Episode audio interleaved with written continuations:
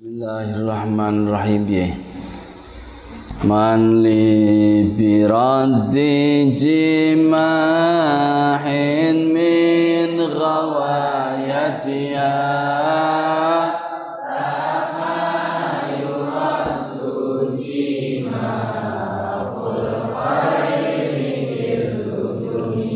Man utai bismillahirrahmanirrahim man utai sapa iku kedue ingsun. Man utai sapa iku li kedue ingsun birati jimahin lawan narik menarik kekang.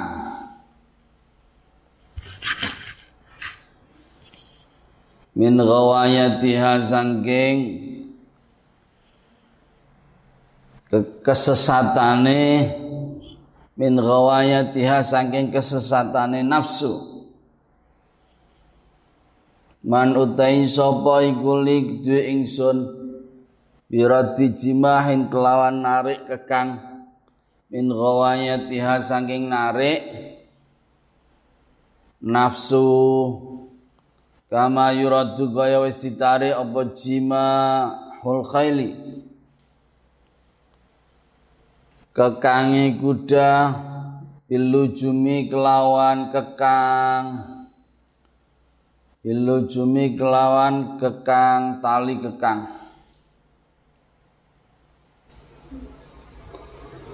Manli birati jimahin min ghawayatiha. Siapa gerangan yang mampu mengembalikan nafsuku dari kesesatan? Kama yuraddu jimahul khayli bil lujumi. Sebagaimana tali kekang mampu mengembalikan kuda liar, kuda binal. Siapa yang bisa mengembalikan nafsuku dari kesesatannya? Saudara-saudara melanjutkan dari penyesalan yang kemarin disampaikan oleh penyair menyadari kesalahannya, menyadari bahwa dia telah nyeleweng jauh ya. Pernyataan itu diteruskan dengan keinginan untuk menjadi orang yang benar. Jadi bukan sekedar menyadari kesalahan tapi bait ini melalui bait ini penyair ingin kembali menjadi orang yang benar. Dan yang disampaikan melalui bait ini adalah nyair ingin mendapatkan guru. Nyair ingin mendapatkan orang yang bisa dijadikan panutan. Orang yang mampu mengembalikan kesesatan dia mengembalikan kesalahan dia sehingga dia kembali menjadi orang yang benar. Ini. Buktinya meman man. Li birati jiwahi siapa orang yang bisa mengembalikan kesesatan nafsuku inilah. Sehingga saya menjadi orang yang benar. Secara nafsu dalam syair ini disebut dengan digambarkan dengan kuda liar atau kuda binal. Khail.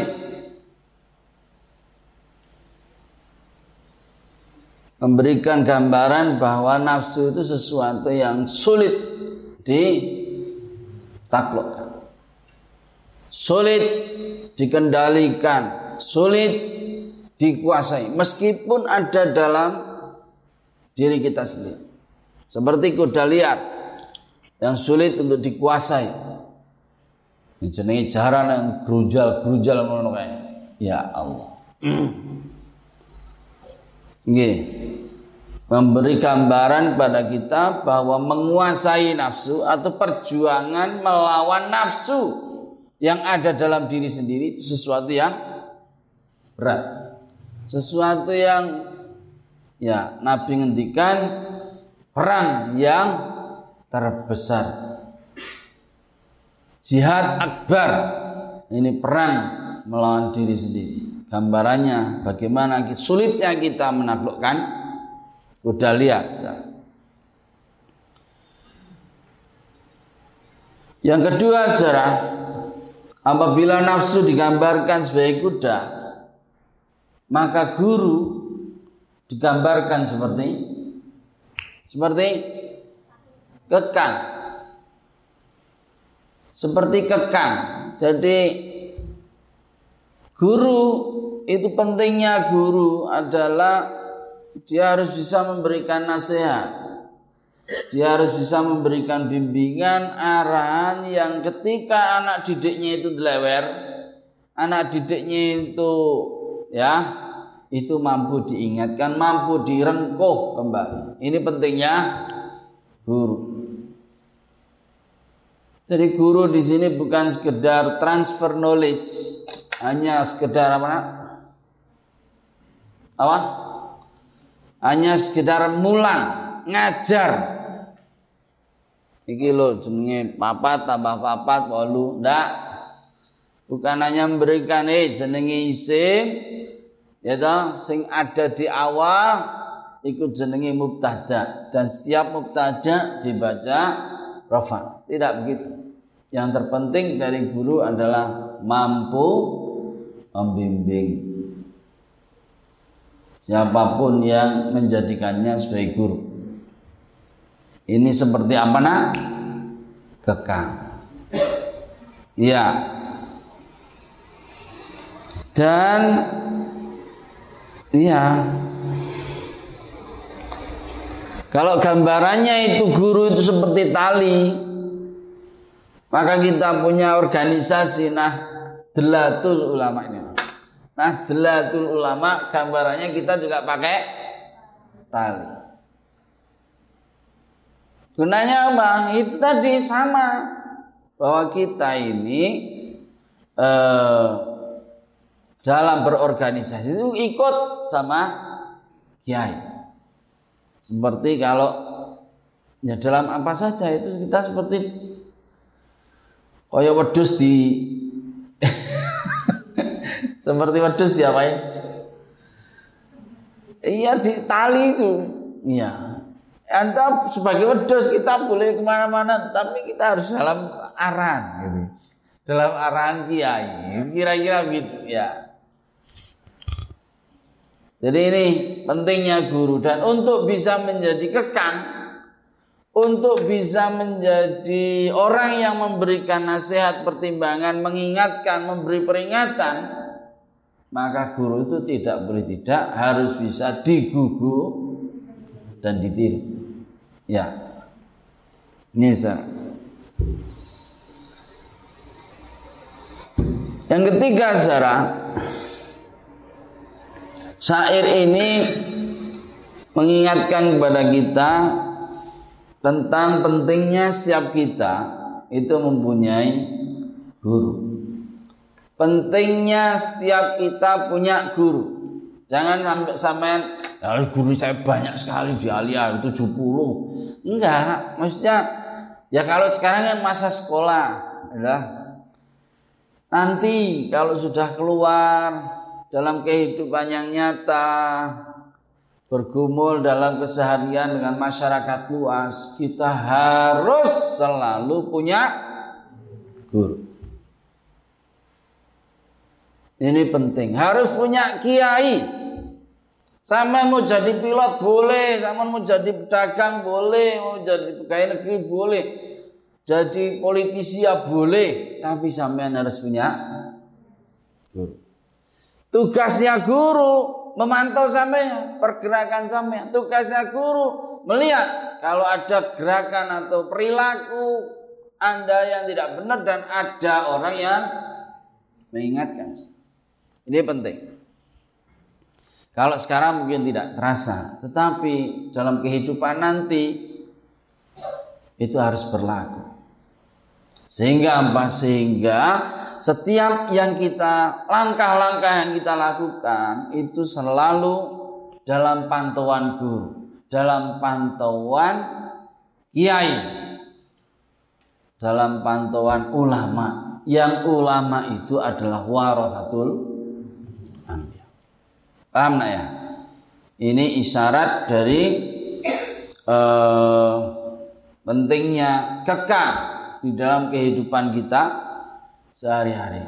Seperti diingatkan oleh Imam Ibnu Ruslan, ya, man lam yakun man lam yakun ya'lamu dza falyas'ali, man lam yajid mualliman falyar falyarhali. Jadi siapa yang enggak tahu tentang hukum satu masalah harus tanya. Sama dengan ya kalau sekarang kan sama banyak sekali gurunya. Ya karena sama sekarang di pondok. Coba nanti keluar. Ya sudah berada di mana harus tetap punya guru. Maksudnya kalau ada hal yang anda tidak tahu, anda harus tanya sama guru. Ya guru kudu guru sing tenanan nak, orang mesti guru itu dukun. Enggak. Ini guru sing ngerti syariat. Ya. Orang sing jenenge guru ki wong pinter. Wah ini delok tanganmu, wah ini ketok ini hijau. Waduh. Enggak, maksudnya ini sing ngerti agama. Ini penting sekali. Ya, ingatkan juga kepada orang tua saudara-saudara. Ya. Sehingga melangkah apa pun itu ada bimbingan spiritual, bimbingan keagamaan dari para kiai. Ini penting sekali. Yeah. Sehingga kalau tidak tahu persoalan, nggak tahu ini gimana hukumnya, tanya. Jangan kemudian nggak tahu langsung diputuskan sendiri. Ah, enggak, ini namanya nanti sesat. Ya. Apalagi ditanya temannya, ah, apa ini gimana? Kira-kira begini ya bolehlah. Kira-kira belum menyesatkan. Ini ya. Ini bait-bait ini mengisyaratkan tentang pentingnya guru, pentingnya kiai yang membimbing kita dalam keseharian. Ye. Utamanya kalau kita ini sudah ya Allah kadang terpuruk ya. Itu harus kita punya guru, harus punya punya orang yang menjadi rujukan. Ye. Fala tarum bil ma'asi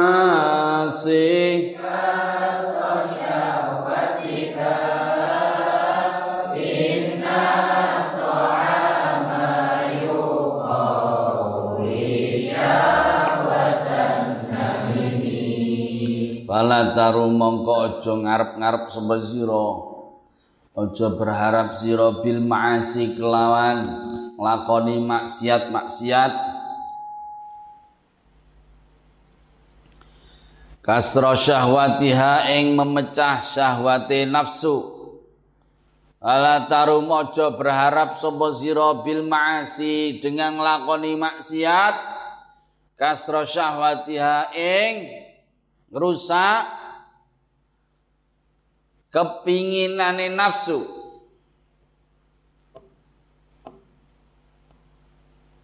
Inna ta'ama sak temene makanan. Iku yuqawi nguatke memperkuat apa makanan. Syahwatan nahimi. Ing kepinginane sing rakus kepinginan dari si rakus. Fala taru monggo aja ngarep-ngarep sira bil ma'asi kelawan nglakoni maksiat kasra syahwatiha ing ngilangi menghentikan kepinginane nafsu, syahwati nafsu. Inna ta'ama sak temene makanan iku yuqawi menguatkan apa makanan syahwatan nahimi ing kepinginane nafsune apa keinginane sing rakus ya. Zara-zara apabila pada sebelumnya nafsu digambarkan sebagai udalia ya. Maka uh, nafsu dalam syair ini ya digambarkan seperti hewan dan perbuatan maksiat yang kita lakukan ya itu seperti digambarkan seperti makanan ya Janganlah Anda berharap dengan Anda banyak melakukan maksiat-maksiat ya. Anda kepingin Anda kepingin menghentikan kebiasaan buruk Anda. Anda kepingin uh, wis ora gelem lah lakoni sing elek-elek. Tapi Anda sendiri masih yang ngelakuin maksiat-maksiat nglakoni dosa-dosa ini ora ana gunane. Untuk supaya bisa menghentikan kebiasaan nafsu buruk, syahwate nafsu syahwat itu keinginan, hasrat. Keinginannya nafsu, carane piye? Ya aja nglakoni maksiat. Nek kepengin tok nglak apa ngendeki nafsu, ngendeki tidak melakukan perbuatan yang jelek tapi tetap wae nglakoni maksiat. Ya ini kurang ana ceritane. Sebab apa? Laksana ya. Laksana itu kewan maka perbuatan maksiat itu seperti makanan. Kewan tiga mangan ya terus mangan terus. Ini secara. Yeah. wan nafsu wa nafsu katifli in tuhmilhu syabba'an. Hubbir radha'i wa in taftimhu dan fatih syair yang menjadi masterpiece-nya Imam Busiri intine paling terkenal syair Imam Busiri ini yang kita baca. Wa nafsu katifli in tuhmilhu syabba'an Kalau tadi nafsu digambarkan sebagai hewan, maka wan nafsu. Dalam syair ini, wan nafsu utawi nafsu. Iku katifli kaya bocah cilik. Intuh lamun membiarkan sapa sira hu ing bocah cilik lamun membiarkan sapa sira ing bocah cilik sabba mongko dadi gedhe sapa tiflun sabba mongko dadi dewasa sapa tiflun ala hubbir radai ing atase seneng nyusu. Ala hubbir radai ing atase seneng nyusu. Titik Wa intaftim lamun. Nyapih sapa sirahu ing bocah yan fatimi mongko iso dadi ter sape yan fatim mongko iso tersapi sapa bocah. Wan nafsu utawi nafsu iku katifli keadaan itu kaya bocah cilik. Intuh milamun membiarkan sapa sira ngenengke sapa sira. Hu ing bocah sabba mongko tumbuh gede dewasa sapa bocah. Ala hubbir radai tetap seneng nyusu. Wa intaftim lamun. Ma nyape sapa sira artine aja. Ora ngekeki sapa sira ing bocah yan fatim. Mongko dadi mandek sapa bocah artinya tersape sapa bocah. Nafsu itu bagaikan anak kecil. Jika engkau biarkan maka ia akan tumbuh besar dengan tetap senang nyusu. Jadi bocah cilik dinengke wae ya tetap tetap jaluk susu. Namun jika engkau berkenan menyapehnya, nek sampean gelem nyapeh DWE, maka ia pun akan meninggalkan kebiasaannya menyusu. Dia akan tersapi sendiri. Masya Allah ya. Ungkapan yang luar biasa dari Imam Busiri. Ya. Saudara-saudara dari bait yang tadi. Seakan-akan Imam Busiri sudah punya guru. Seakan-akan penyair ini sudah punya guru dan memberi nasihat, nek gue kepingin menghentikan nafsumu, ya kamu jangan gawe-gawe maksiat terus, tambah maksiat, tambah nafsumu itu tok keipangan terus. Nah, nasihat yang kedua ya wan nafsu katifli intuh syabban. Nasihat guru yang kedua nafsu itu dia samakan seperti anak kecil. Ya. Jadi atiflu, atiflu itu anak yang yang baru lahir, yang masih dalam keadaan nyusu. Nah.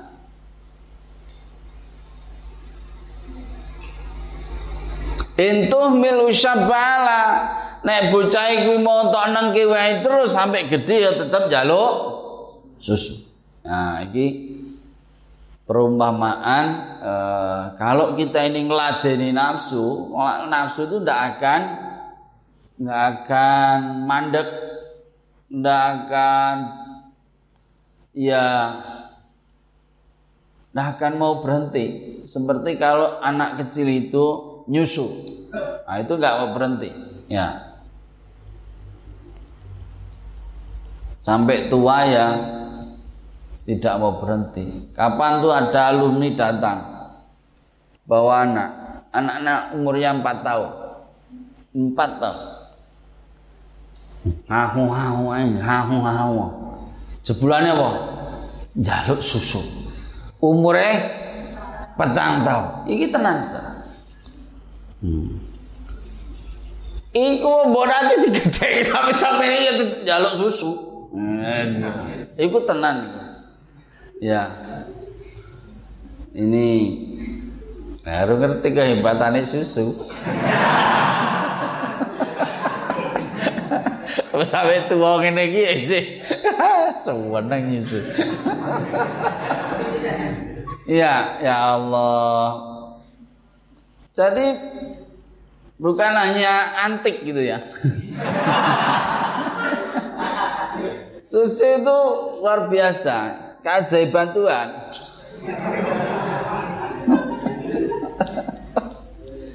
ya Allah.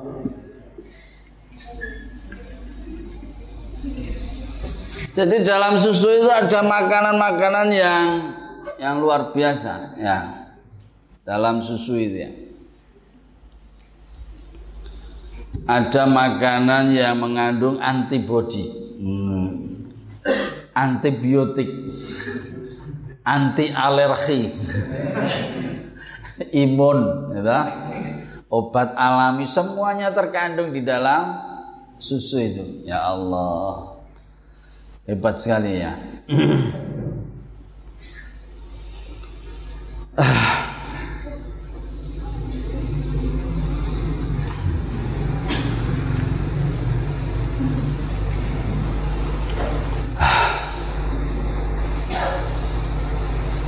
Lianna Allah Ta'ala khalaqa fil labani tadil um ladzatan ladzata jami'il at'imah wal asribah karena dalam susu itu terkandung kenikmatan makanan sekaligus minuman. Loh ini, ini jadi kayak sereal gitu kira-kira.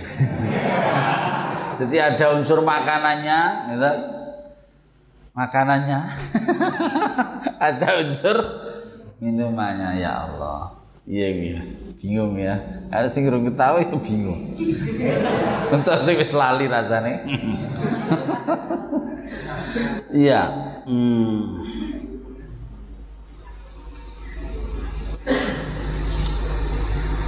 perhatikan pernyataannya. Wa nafsu katifli in tuhmilu. Jadi nafsu itu seperti anak kecil. Jika Anda membiarkan, Anda siapa? Anda siapa? Orang tua siapa? Bapak. Anta. Tuh. Mil. Hu. Anta. Maksudnya wong lanang. Maksudnya bapak. Sekali lagi saya ingatkan bahwa yang kewajiban nyusoni bukan ibu, tapi bapak.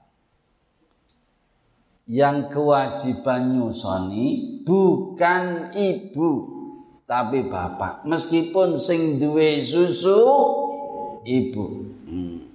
Bapaknya yang duwe susu tapi ra metu. Ya jadi, nah ini wa ini ayat wa alal mauludilahu rizquhunna wa kiswatuhunna bil ma'ruf. Jadi sing duwe kewajiban ngekei apa rezeki mangan iku bapak. Jadi kok bojomu kok wegah nyusoni ora apa-apa. Aku gak golekno susu kok. Golekno susu dhewe ora apa-apa. Jadi yang kewajiban ya wong lanang golek susu. Ya nek ra gelem susune wong liya ya susu sapi. Susu wedhus. Nanti sing duwe kewajiban kuwi wong lanang. Ya. Meskipun itu susunya yang punya wedok. Jadi dekne ora gelem disusokke anake apa iki aja sapa-sapa iki khususan Mas. Ku sapa? Ya ku sampean tok wae. Ora apa-apa ya. Tapi sing bayine kuwi sing tau jawab wong lanang ora wedok. Ini sing ya Allah. Nggih, dadi kok wong wedok kok gelem nyusoni itu keabiane wong wedok ngono lho. Ini kudu matur nuwun Masya Allah. Kok gelem wong wedok ki nyusoni ki anakmu. Dan itu ya wajibanmu mestinya begitu. Ya. Ya, nah sebagaimana gambarannya dia ini nyusu ya. Maka bila ah hasratnya nafsu ini dituruti terus menerus, ya dene akan akan mengikuti terus. Seperti nyusu itu tadi. Dinengke ya tua ya tetap nyusu. Nah. Dan oleh karena itu, cara satu-satunya menghentikan nafsu dengan cara dilawan. Dengan cara disape. Pernah nyape? Lihat orang nggak nyape anak? Mesti kalau pertama ya bocah wis rong tahun wis ora di kayak meneh susune bocah mesti nangis golek susu. Ibu susu. Kan wis rada iso ngomong meneh uh, uh, gini gini eh bapaknya wis fase anggune shot susu tapi bocah kan berubah Sing penting itu ya ditahan. Mandek biar caranya ya. Ya, itu dalam dua tiga hari itu mesti stres. Yo ibune yo melas, ya toh. Bapaknya yo melas itu loh. Apa meneh bocah ya Allah nangis geruk-geruk kadang itu ya Allah. Yeah. Iya. Makanya proses dalam dua tahun tuh bisa meninggalkan ya, menyape itu apa peristiwa luar biasa gitu. Itu sesuatu yang harus diperingati sebenarnya di ulang tahun menyape ini. Nggih. Maknanya apa sing jenenge hawa nafsu pun kudu iso ditahan. Ya, sabar. Sabar. Ojo dituruti sabar. Sama nganggo jilbab panas ya panas. Sabar. Iki jenenge menahan nafsu. Panas. Iya. ini seperti itulah. Iya. ini seperti kita menyapih bayi dari minta susu. Fasrif hawa hawa dir antu waliyahu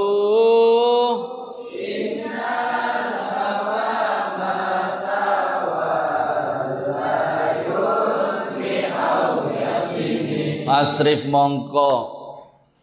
Kendalikanlah. Hawa ing hasratnya nafsu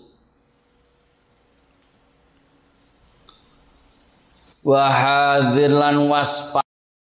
Hati-hatilah antuwalia ingin to nguasani apa nafsu. Antuwalia yen to nguasani apa nafsu.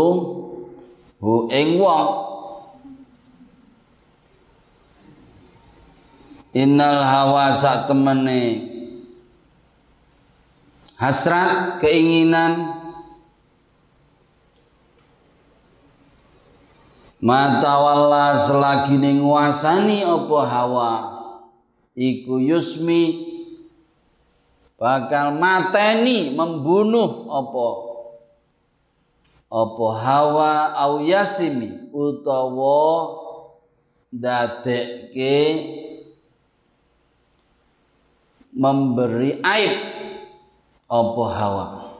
Memberi aib memberikan sesuatu yang celah cilaka. Apa hawa? Fasrif mongko. Mongko kendalikanlah. Melengoso siro melengoso berpalinglah kendalikan hawa haing hawane nafsu wa hadilan ngati-ngati sira antualia ingin to nguasani apa nafsu ing wong innal hawa sak temene. Hawa iku matawal hasrat hasrate nafsu. Mata wala selagi nguasai opo hawa iku yusmi iso dadi mateni opo hawa au yasimi utawa gawe Allah membuat aib opo maka kendalikanlah hawa nafsu waspadalah jangan sampai ia menguasaimu. Sungguh jika siap berkuasa ia bisa membunuhmu. Atau minimalnya dia memberimu aib membuatmu terlihat buruk, terlihat jelek, terlihat tidak terhormat. Ya. Gambaran nafsu uh, yang dinyatakan seperti anak kecil, ya. Nafsu yang bagikan anak kecil ini dilanjutkan di sini bahwa nafsu itu tidak bisa dibunuh. Nafsu tidak bisa dimatikan. Tidak bisa. Karena itu bagian dari kehidupan kita sebagai manusia, kehidupan sehari-hari. Kita punya keinginan, kita punya karep, itu bagian dari nafsu kita yang nyuruh yang ya keadaan nafsu seperti yang kemarin saya gambarkan ada nafsu apa? Nafsu ammarah bisu. Nafsu yang mengajak kita keadaannya kadang itu satu mengajak kita kepada yang buruk. Dua nafsu kita ini kadang nafsu yang masih stabil, masih labil maksudnya. Nafsu yang ya kadang apik, kadang ngajak elek, ngajak apik, jenenge lawama. Yang ketiga nafsu yang keadaannya sudah yang sudah baik mutmainnah Ya. Jadi nafsu itu satu, cuma keadaannya yang kadang beda-beda. Ya. Maknanya apa? Nafsu tidak sesuatu tidak bisa kita matikan. Nafsu itu ada terus di dalam diri kita. Yang bisa kita lakukan adalah mengelola nafsu. Memanage nafsu kita dari yang negatif dijadikan sebagai nafsu yang energi, hasrat yang positif. Diarahkan, dipalingkan kalau sedang deleo, sedang nyeleweng, dipalingkan kepada sesuatu yang benar, sesuatu yang sehat, sesuatu yang positif, sesuatu yang terhormat. Ini kita terus selalu begitu. Yaitu gambarannya sampean delok catering gitu. Iki ana tempe, ana tahu. Wis mangan siji, sudah makan. Enak ya. Itu bagian dari manganmu itu nafsu. Dan Anda sudah habis satu, masih lihat itu bagian tempe lagi, gitu. Ini apa kan tambah enak gitu. Ini nafsu. Ya. Ini sesuatu yang tidak bisa kita hilangkan. Tetapi yang kita harus kelola adalah kita alihkan dia kepada sesuatu yang lain. Yang positif. Ini yang fasrif hawa. Jadi laksana anak kecil kita harus didik nafsu kita menjadi nafsu yang terdidik. Nafsu yang bisa dikelola, dimanage. Tidak yang dituruti terus. Ya, tidak nafsu yang dimanja. Sebab memanjakan anak kecil sama saja dengan mencelakakannya. Ini penting. Ini dari kata fasrif hawa. Jadi tidak bisa nafsu dimatikan. Tidak bisa dihilangkan, tidak bisa. Oke. Jadi keinginan nafsu itulah yang harus kita setir. Wahadir antuwaliyahu. Jangan sampai sebaliknya kita yang disetir nafsu. Hadir. Seperti yang menjadi judul dari pasal kita ini adalah tentang kewaspadaan terhadap hawa nafsu. Ya, at-tahdzir minal min hawa nafas. Jadi nafsu di sini ya Bukan dalam pengertian nafsu itu diri, tetapi nafsu itu potensi yang ada dalam diri kita. Dan itu tidak tidak bisa dihilangkan. Itu tidak bisa dipateni. Yang bisa adalah dikelola, diarahkan, dijadikan sesuatu yang positif. Ini fasrif hawa wahadir antualiyah. Hati-hati kalau dia ini pengen menguasai. Ya. Ini hati-hati. Innal hawa matawalla yusmi yasimi. Sebab kalau hasratnya nafsu ini dituruti, itu bisa jadi dia membunuh kita. Iya toh. Ono wong lewat waton dionek waton ya orangnya marah nanti dan itu bisa membuat kita uh, sesuatu yang buruk terhadap kita. Ya, terus ya, ono jambu, kepengen jambu, kepengen dituruti. Nah, itu nih sopo. Nah, tidak mau tahu ya sudah kalau anda tidak mau tahu akan ada akibat kepada anda. Kemungkinannya anda itu ditotoi atau paling tidak Anda dibilang maling, maling, maling. Nah, itu malu nanti. Ini kalau kita nuruti hawa. Hawa itu hasratnya, keinginan dari nafsu. Potensi ke situ itu kok ya menjurus. Nah, kita inilah yang kemudian harusnya mengarahkan. Jangan sampai kemudian itu dituruti, diiyani, dimanjakan. Ini.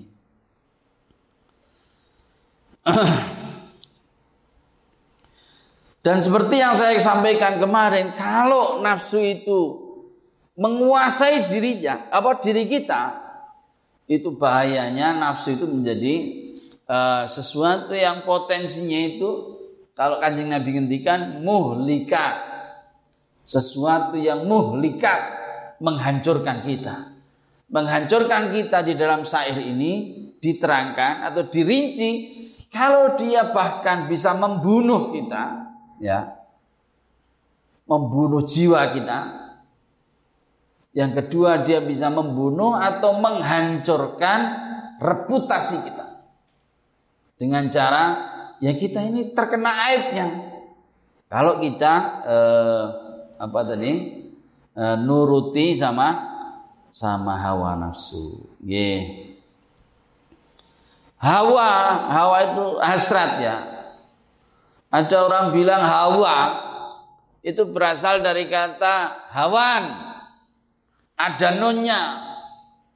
Tapi nonnya dicolok. Jadi hawa.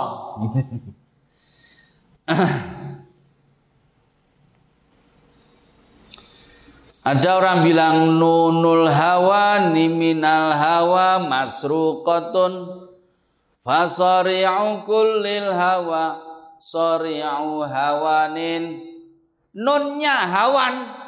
Hawa berasal dari kata hawan. Terus nunnya mana? Nunnya dicolok. Jadi hawan itu artinya apa? Kehinaan atau kerendahan. Ya. Nunnya dihilangkan jadi hawa artinya hasrat. Jadi fasari ukulil hawa setiap petarung hawa itu bertarungnya dengan hawan yang punya nun. Karena merasa ini dicolong, golein terus. Ini nun pun di. Sesuatu yang ya berkesinambungan. Ya, kalau Anda menuruti, Anda akan menjadi hawan, menjadi rendah. Ya. Penyair lagi menyatakan ida antalam taksil Idza anta lam ta'sil hawa qadakal hawa ila kulli ma fihi alaika maqalu. Kalau Anda tidak menahan diri Anda, menahan nafsu Anda, Anda justru yang akan dikuasai oleh nafsu Anda. Hawa nafsu Anda. Sampai ke mana? Ila kulli ma fihi alaika maqal sampai apa pun Anda bisa dikatakan. Ya, masa kalau kita nuruti hawa nafsu luar biasa. Orang itu jeleknya itu sebab nurut ya hawa nafsu sampai luar biasa. Ada korupsi, ini terjadi aja. Korupsi namanya korupsi mushaf Al-Quran. Ada nggak? Mushaf dia itu dapat proyek mushaf. Iya. mushaf Quran, ya. Mestinya di situ buku petunjuk justru dikorupsi coba. Dan menjadi terkenal karena yang dikorupsi itu adalah buku petunjuk. Jadi sangat tidak masuk akal. Ngorupsi yang dikorupsi adalah buku petunjuk. Ya lepal gitu. Ada orang ada korupsi, ada orang yang nyolong apa namanya bantuan kemanusiaan. Ada nggak? Ada. Ada maunya gempa atau ada seperti sekarang ini pandemi. Ada orang yang bermain-main. Gitu? Ada orang yang bermain-main.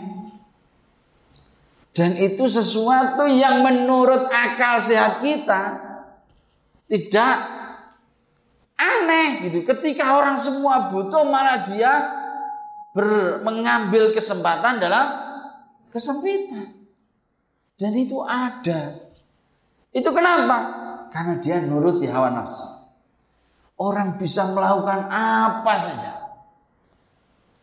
Omongan orang bisa apa saja sebab nurut di hawa nafsu. Ada anak yang gara-gara tidak dikasih uang ibunya untuk beli rokok 10 ribu, 20 ribu, orang itu sampai membunuh ibunya. Ada nggak? Di koran ada. Masuk akal nggak? Nyawa ibunya ditebus hanya gara-gara itu tadi rokok 20 ribu. Coba kalau ibunya hidup, ah, biar durung bayar susu. Ayo sekali nyusu. sekali nyusu itu berapa? Ayo bayar. Setiap hari ibu itu nyusu kan susu nih setiap hari itu seliter loh susu itu diproduksi itu. Seliter. Dan itu tergantung anaknya, hebatnya itu. Anaknya gendut, ya ikut bisa bertambah. Sesuai dengan itu link and match. Kebutuhanmu piye? Iku susune oh bisa. Mau oh iku bisa tambah gitu gitu. Luar biasa itu. Ya orang kondo-kondo. Tapi itu luar biasa. Lah kok ya kok iso mateni? Ini sebab kita nuruti hawa nafsu. Jadi sebab nuruti orang bisa berkata apa saja terhadap kita. Ini ini bahayanya hawa nafsu yang dia tidak bisa dimatikan tetapi yang harus kita lakukan adalah fasrif hawa ma mengendalikan mengelola hawa nafsu demikian saudara-saudara. Semoga bisa difahami dengan baik. Ya insyaallah besok kita lanjutkan. Nakhtatin bil hamdalah